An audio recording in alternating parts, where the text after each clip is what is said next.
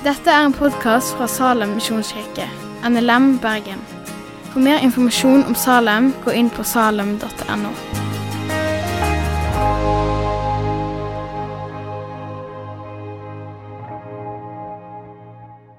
Følg meg. Det er en uh, taleserie om åndelige disipliner. Og det kan ofte være litt sånn ah, Skal han snakke om ting vi må gjøre nå? Men jeg har sagt det før i taleserien og sier det igjen at åndelige disipliner det er verktøy som vi har fått gjennom Bibelen og gjennom kirkehistorien for at vi skal få gi rom til at Gud og Jesu nåde kan virke mer i oss. Det er verktøy som hjelper oss til å posisjonere oss på en sånn måte som at Den hellige ånd får arbeide med oss og i oss. Og Denne helga snakker vi om nøysomhet. Et enklere liv, eller 'simplify', som det høres mye kulere ut på engelsk. Som en åndelig disiplin nøysomhet. Vi skal lese fra Lukas, kapittel 12, vers 13-34, og vi reiser oss eh, når vi møter Gud i Hans ord. En i mengden sa til ham, 'Mester, si til min bror at han skal skifte arven med meg.' Men Jesus svarte, 'Venn, hvem har satt meg til å dømme eller skifte mellom dere?' Og han sa til dem, 'Ta dere i vare for all slags grådighet.' For det er ikke det en eier som gir liv, selv om en har overflod. Så fortalte han dem en lignelse. Det var en rik mann som hadde fått god avling av jorden. Og Han tenkte med seg selv, 'Hva skal jeg gjøre? Jeg har ikke plass til avlingen min.' Jo, dette vil jeg gjøre. Jeg river ned låvene og bygger dem større. Og der samler jeg kornet og alt jeg ellers eier. Så skal jeg si til meg selv, nå har du mye godt liggende, nok for mange år. Slå deg til ro, min sjel, spis, drikk og vær glad. Men Gud sa til ham, uforstandige menneske, i natt kreves din sjel tilbake. Hvem skal så ha det du har samlet? Slik går det med dem som samler seg skatter til seg selv og ikke er rik i Gud. Han sa til disiplene, 'Derfor sier jeg dere, vær ikke bekymret for livet, hva dere skal spise, eller for kroppen, hva dere skal kle dere med.' Livet er mer enn maten og kroppen mer enn klærne. Se på ravnene. De sår ikke og høster ikke. De har verken matbod eller låve, men Gud gir dem føde likevel. Hvor mye mer verdt er ikke dere enn fuglene? Hvem av dere kan vel med all sin bekymring legge en alen til sin livslengde? Når dere ikke engang makter så lite, hvorfor da bekymre seg for alt andre?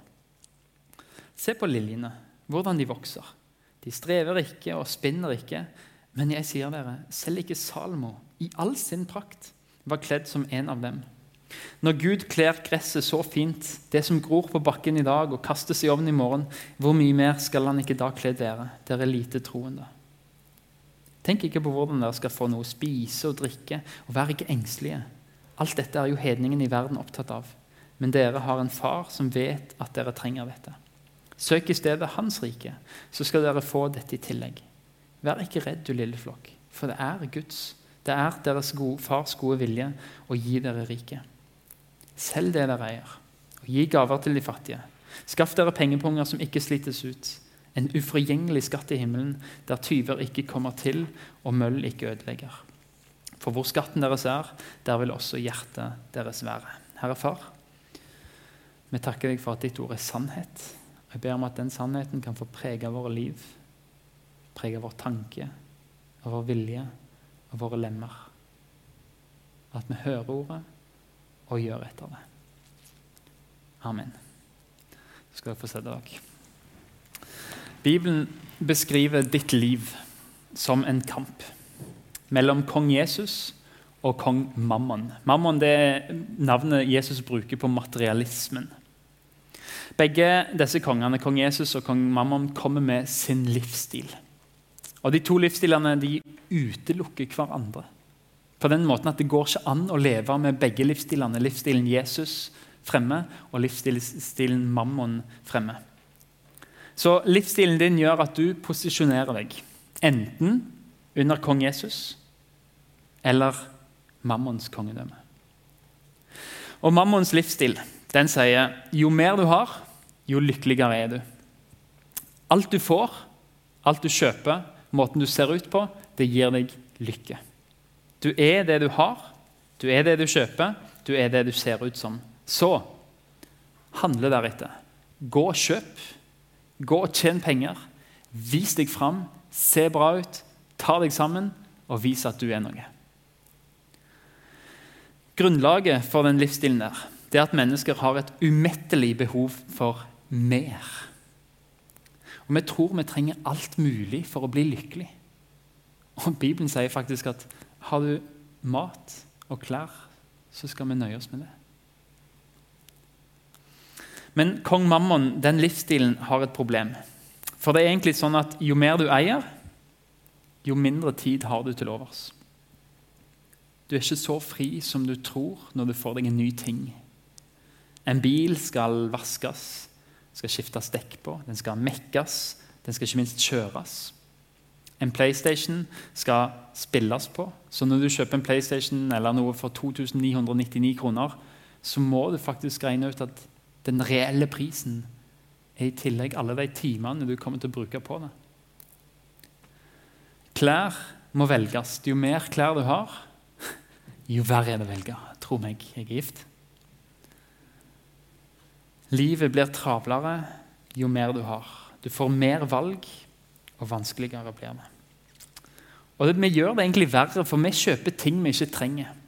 Vi kjøper ting som ikke gir oss glede, ting som ikke gir oss, eller som vi syns er skjønne. Og hvorfor gjør vi det? For å imponere. For å posisjonere oss på en sånn måte som gjør at se på meg, jeg er viktig. Reklame har gjort at vi til og med skjems over å gå med slitte klær som er slitt litt mer enn gjennomsnittet. Og det å kjøre en bil som er full av rust, selv om den er sikker, er litt sånn ah, Det er ikke så kult. Til og med språket vårt forandrer hva ord vi setter på livsstilen vår. Det som før var begjær, det kalles nå ambisjon. Det som før var hamstring av ubrukelige ting, det kalles nå forsiktighet eller lagring.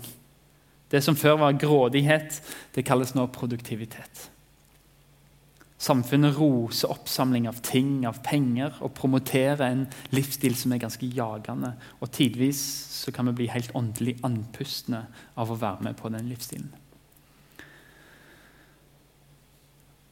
Jeg skal ikke gå så veldig mye mer inn på den livsstilen, for den, jeg har snakka om det i en, i en, tale om stillhet. Den ligger på vår podkast, så går det an å høre mer der.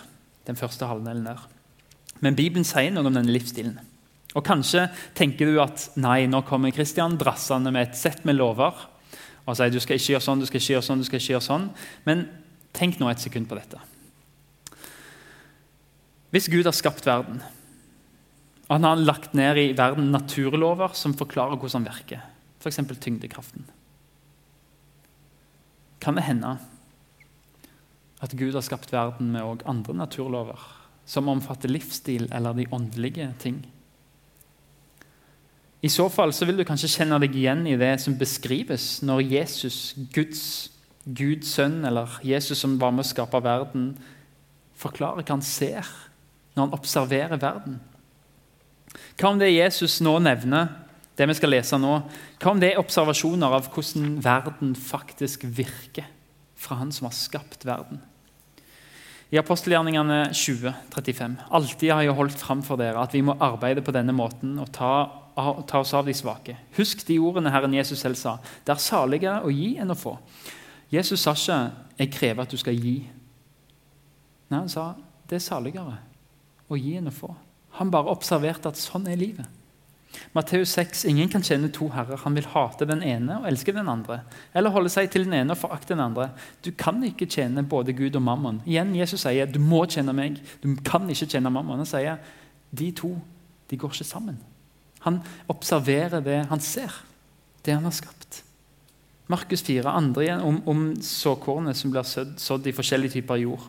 Andre igjen er de som blir sådd blant tårnebusker. De hører ordet, men dette livets bekymringer, rikdommens bedrag og lysten på alle andre ting kommer inn og kveler ordet, så det ikke bærer frukt. Igjen, Jesus sier ikke 'skjerp dere'. Dere må ta dette frøet og så, må få frukt. Han bare sier at nei, for dette frøet her, som er Guds ord, det kan kveles av andre ting. Matteus 19, Jesus sa til disiplene sannelig jeg sier dere, det er vanskelig for en rik å komme inn i himmelriket. Ja, jeg sier dere, Det er lettere for en kamel å gå gjennom et nåløye enn for en rik å komme inn i Guds rike. Jesus sier ikke du må være rik for å komme inn i himmelen, eller du må være fattig for å komme inn i himmelen. Han sier egentlig, han observerer det han har skapt. Han viser hvordan funker verden. Han sier det er vanskelig for en rik å bli frelst. Hva om dette ikke er krav, men skaperen av verden som tilbyr deg noen observasjoner om hvordan verden fungerer? de åndelige tingene, livsstil. Hva om det er sant? Jeg tror at det er mer sant enn det reklamen sier til oss. Om at produkter kan gi deg frihet. Det er i beste fall halvsannheter. For mer eiendeler det betyr egentlig mindre av det som egentlig betyr noe. Mindre tid. Du har så mange ting du må følge opp. Mindre økonomisk frihet, for du har allerede gjort noen investeringer som, som, du kanskje må følge opp med der. Mindre fred fordi du har mer å bekymre deg over. Mindre fokus på livet. Mindre kapasitet for kreativitet, for du, har, du må spille PlayStation, du må se på den TV-en, du må være på der og der. Altså. Mindre tid til relasjoner. Mindre tid til bønn, mindre tid til Bibel. Mindre tid med Gud. Jesus sier Igjen en observasjon om hvordan, hvordan verden fungerer. Ta dere i vare for all slags grådighet. For det er ikke det en eier som gir liv, selv om en har i overflod. Men har Jesus en livsstil, en praksis, som er medisin mot dette jaget? Jag etter mer ting som skaper mindre tid. Det som hindrer oss i å bruke tiden vår på det som er viktig for oss. Har Jesus en praksis? Ja, han utøvde nøysomhet. Et enkelt liv. Hør nå, Jesus var ikke fattig. Han hadde en jobb. Før han begynte å reise rundt, så var han tømmermann. eller eh, Som han hadde arva bedriften fra faren, sannsynligvis. Hadde en jobb. Så hadde han sponsorer som dekka utgifter for reiser og opphold. rundt omkring. Han hadde en egen kasserer, som betydde at han hadde en betydelig mengde penger. Eller disippelflokken hadde det. Han spiste godt, han var en storeter, en stordrikker. Han hadde en kjortel som sannsynligvis var dyr og av veldig god kvalitet. Men Jesus lot ikke den rikdommen, det han hadde, for å komme i veien for det som var viktig for ham. Han forsakte rikdom og eiendeler for å leve ut et kall.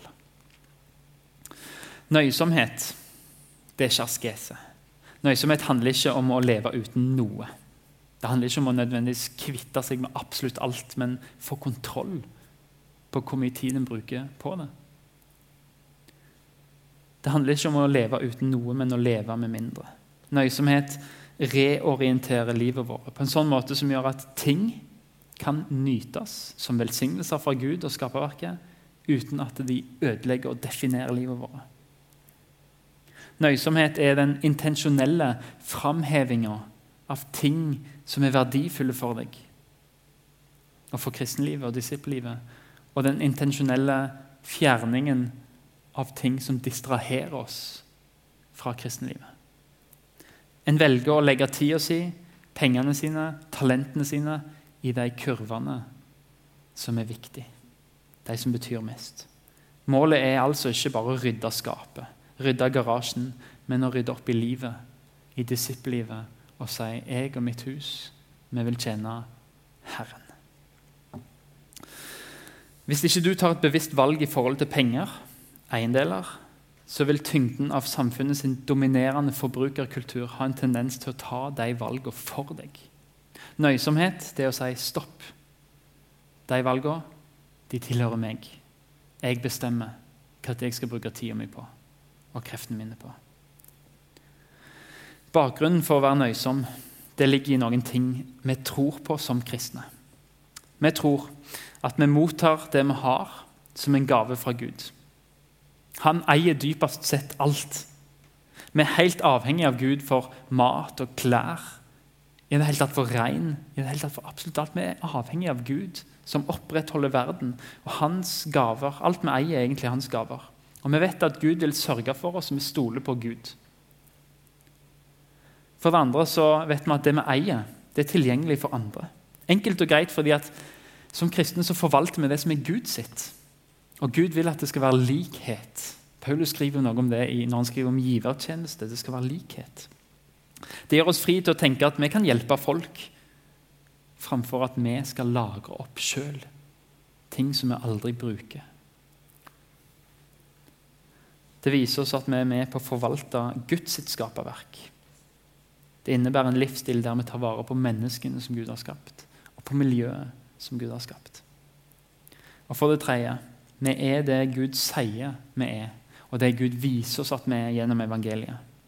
Vi er elska ubetinga. Vi er skapt i Guds bilde. Vi har en verdi i det. Det er vår største verdi. Vi er ikke det vi kjøper. Vi er ikke det vi eier, eller hvordan vi ser ut. Det vil si at du trenger ikke pynte på sannheten for at du skal bli verdifull. Du trenger ikke eie noe, du trenger ikke ha status. Du trenger ikke pynte på dine ord og virke mer intellektuell, virke mer relevant. Du kan være ærlig, og du trenger ikke bruke penger på å vise deg fram. Nøysomhet frir oss fra jaget etter å være relevant, etter å være populær. Etter jaget fra å eie ting som gjør at vi får status. Det frir oss fra at vi må kjøpe ting for å bli godtatt eller for å få en posisjon. For som kristne, når vi tror evangeliet, så ser vi at vår identitet det kommer fra Gud. Og det han vil si om oss, og det han viser oss når Jesus blir menneske, gir avkall på all rikdommen han hadde i himmelen, blir menneske og dør på korset for deg. Den verdien er det som gir deg trygghet. Det er rikdom. For når du har det, så savner du dypest sett ingenting. Og du trakter ikke etter noe mer. Det vi eier, er dypest sett Guds velsignelser over oss. De er gode, og de er meint til å deles med trengende. Og så sier Bibelen at for mye rikdom er farlig. Fordi det har en makt, rikdom har en makt til å vende hjertet ditt vekk fra Gud. Og Her trenger vi en god balanse som kristne, der vi for det første kan nyte at vi er skapt i et skaperverk, og Gud fortsetter å velsigne skaperverket. Der vi kan få leve i de velsignelsene, alle de gode gavene Gud gir. Og på den andre sida si at men jeg vil følge giveren, ikke gaven. Og det gir oss fri til å være sjenerøse med det vi har fått. I Lausanne i Sveits i 1974 ble det laga en pakt, Lausanne-pakten. Delegater fra trossamfunn og misjonsorganisasjoner fra hele verden ble enige om å arbeide sammen for å utbre evangeliet utover hele jorda. De fleste misjonsorganisasjonene i Norge, deriblant Norsk Luthers Misjonssamband, har slutta seg til denne pakten, og dermed vi som menighet. Og Når jeg møter pastorer i byen, Annenhver måned så møter vi pastorer i alle frikirkene i byen. Og vi står sammen på enheten av Lausanne-pakten, der vi sier dette er felles, dette er vår enhet, dette vil vi jobbe sammen for. Lausanne-pakten består av 15 ganske korte punkter pluss en konklusjon. og Det tar omtrent et kvarter å lese gjennom hvis du leser normalt tempo. Der er mye god teologi å finne. Det er et godt tips for de som vil lese noe veldig inspirerende. I punkt 9 i Lausanne-pakten har overskriften 'Evangelisering har hast'. Og I det avsnittet så finner vi noe som er relevant for dagens tale. I pakten står det vi, og nå Husk at vi som en kirke i Norsk Luthers Misjonssamband vi går inne for denne pakten. Vi er med på denne pakten. Vi er alle sjokkert over millioners fattigdom og rystet over den urettferdighet som har skapt den. De av oss som lever i overflod, det er alle oss. Vi lever i Norge med topp få prosent av verden når det kommer til rikdom. De av oss som lever i overflod, erkjenner vår plikt til å finne fram til en enkel livsstil for å kunne gi mer både til hjelpearbeid og til evangelisering. Nå, Det med enkelt liv det var i Lausanne-bevegelsen de ville finne ut hva betyr det når vi sier enkelt liv. Hva mener vi med det? Så I 1980 Altså eh, Seks år etterpå så samler Lausanne-bevegelsen representanter fra sør, fra fattige kirker i sør og fra nord sammen for å jobbe videre med hva mener vi med enkel livsstil. Fattige og rike går sammen om dette. Og Der skrev de et dokument som handler om nettopp dette. Og I det dokumentet så sier de bl.a.: Mellom 6000 og 12 000 mennesker dør av sult hver eneste dag. Vi svarer med å forenkle livsstilen vår. Og så sier de vi er sjokkert over fattigdommen på verdensbasis. Vi ønsker å gi mer til organisasjoner som driver humanitært arbeid. Men offentlige myndigheter må gripe inn. Vi er bekymra over at det finnes så mange mennesker som ikke har hørt evangeliet. Kallet til å leve et enklere liv må ikke skilles fra ansvaret om å vitne om troen. Og så sier de også, Vi tror at når Jesus kommer igjen, vil de som har tjent han med å, vise, med å tjene de mest trengende, bli frelst. For beviset for en frelsende tro finnes i tjenende kjærlighet. Og Mot slutten av dokumentet, som for øvrig heter An Evangelical Commitment to Simple Lifestyle, så skriver de Dette er min oversettelse, det finnes på engelsk på nett. Vår kristne lydighet krever en enkel livsstil. Uavhengig av andres behov. Likevel, det faktum at 800 millioner mennesker lever i fattigdom, og at 10 000 dør av sult hver dag, gjør alle andre livsstiler umulige å forsvare. Noen av oss er kalt til å leve blant fattige. Andre er kalt til å åpne hjemmene våre til trengende. Men vi er alle bestemte på å utvikle en enklere livsstil. Vi vil ransake våre inntekter og utgifter for å kunne greie oss med mindre og kunne gi bort mer. Vi avtaler å gi avkall på sløsing og setter oss imot ekstravaganse i våre personlige liv, klesbruk og hjem, reiser og kirkebygg. Vi anerkjenner forskjellen på nødvendighet og luksus på kreative hobbyer og tomme statussymboler, beskjedenhet og forfengelighet, sporadiske feiringer og normal rutine mellom det å tjene Gud og være slave av motindustrien. Det er bibelsk. Å forsake noe for å hjelpe trengende. Og vi har et forbilde i det. Jesus Kristus ble lydig til døden på korset. Han ble et menneske for å frelse deg. Det er bibelsk. Paulus skriver 1. Timoteus 6.: Forman den som er rike i denne verden, at de ikke må være overmodige, og ikke sette sitt håp til den usikre rikdommen, men til Gud, Han som gir oss rikelig av alt for at vi skal nyte det. De skal gjøre godt, være rike på gode gjerninger, være gavmilde og dele med andre. Slik samler de seg en skatt som blir en god grunnvoll for fremtiden, så de kan vinne det virkelige livet. Når du tror på Jesus, og når evangeliet blir en hjørnestein i livet ditt, så skjer det at din rikdom blir et verktøy for det gode. Da ser vi at sann rikdom det er å bruke vår rikdom til å gjøre gode gjerninger. Og det speiler den sjenerøsiteten vi er blitt møtt med av Jesus. Det er et vitnesbyrd om en som ga seg sjøl for deg. En som var rik, men så intensjonelt ble fattig og naken for at du skulle bli rik og kledd i rettferdighet. Denne disiplinen nøysomhet det kan være litt sånn vanskelig å, å, kanskje få tak på hvordan ser det ut i mitt liv. Jeg har, jeg har lyst til å gi dere noen punkter som har vært til hjelp for meg.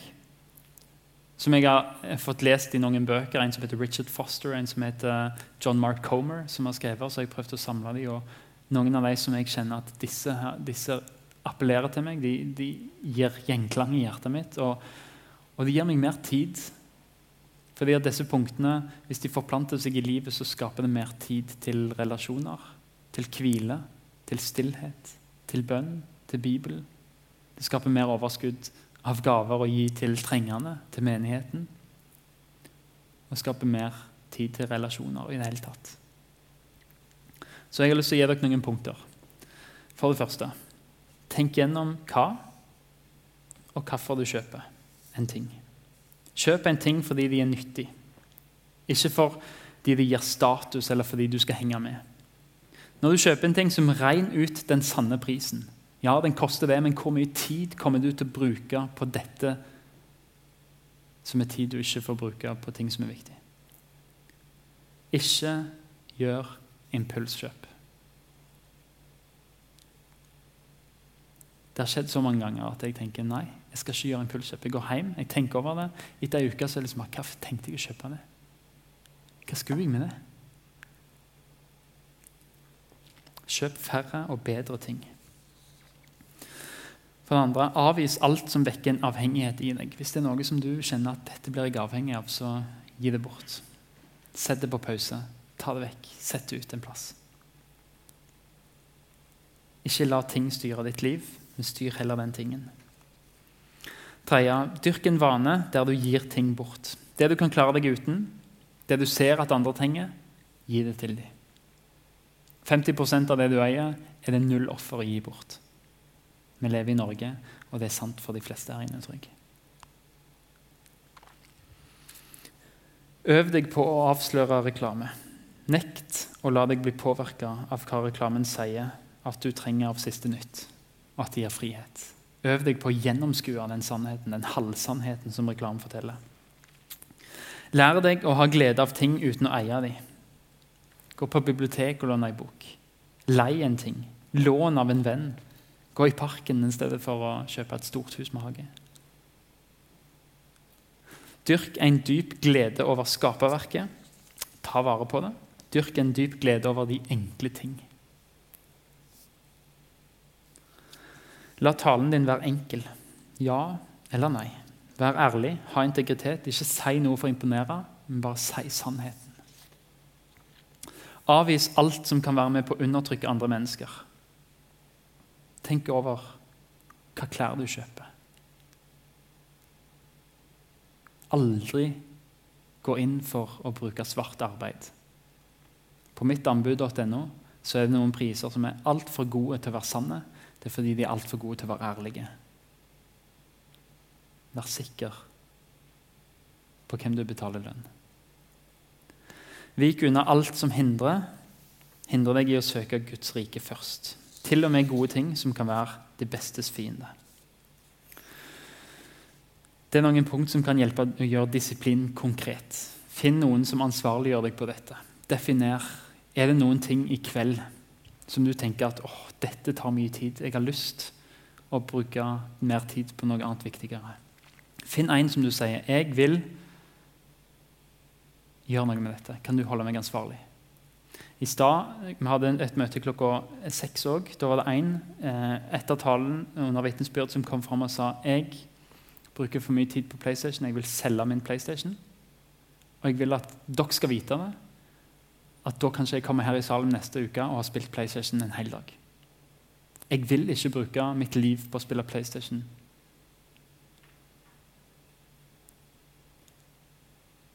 Og så oppmuntrer han andre til å følge hans eksempel. Og Sånn er det med fellesskap. Vi som fellesskap, dere som venner, som smågrupper, kan gjøre hverandre ansvarlig på dette. Alle jordelige skatter det er sånn at du dør litt hver gang du får tak i dem. De tar av tiden din, de tar av relasjonene, av livet ditt, av pengene dine. Men Bibelen forteller om én skatt som det er helt motsatt med.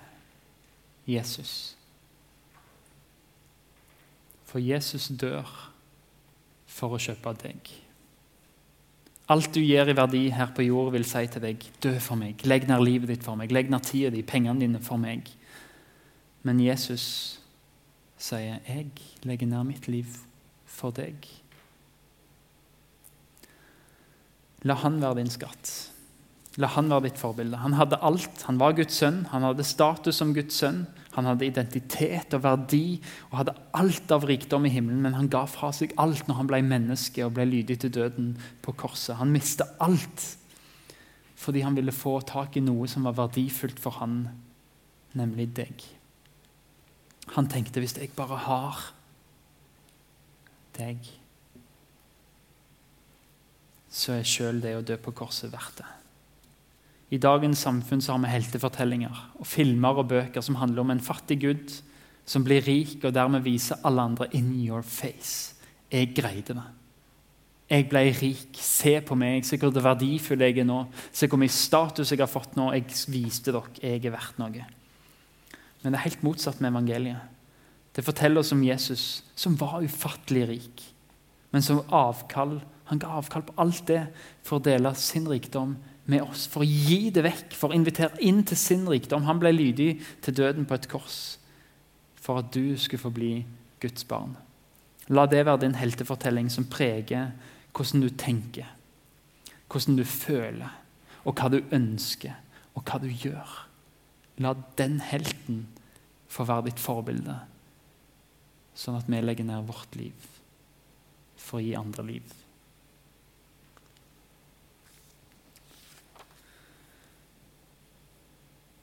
Nå skal vi, kan lovsangsteamet få komme opp.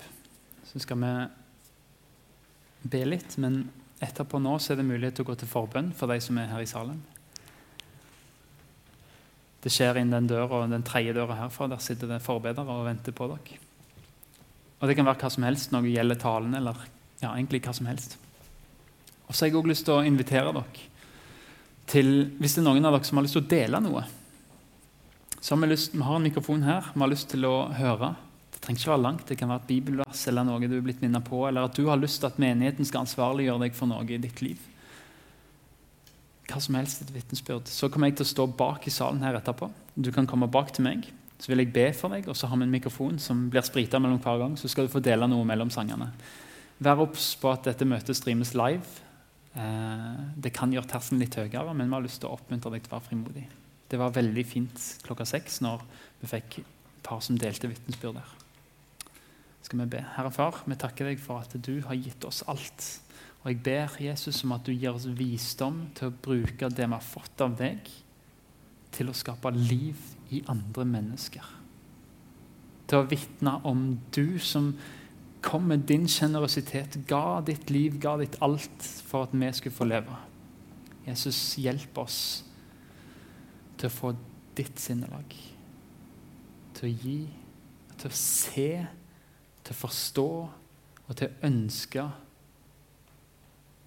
at det er saligere å gi enn å få. Det er sannheten om vårt liv, fordi du ga ditt liv for at vi skulle få et liv. Og det salige er at vi skal få lov til å gi videre.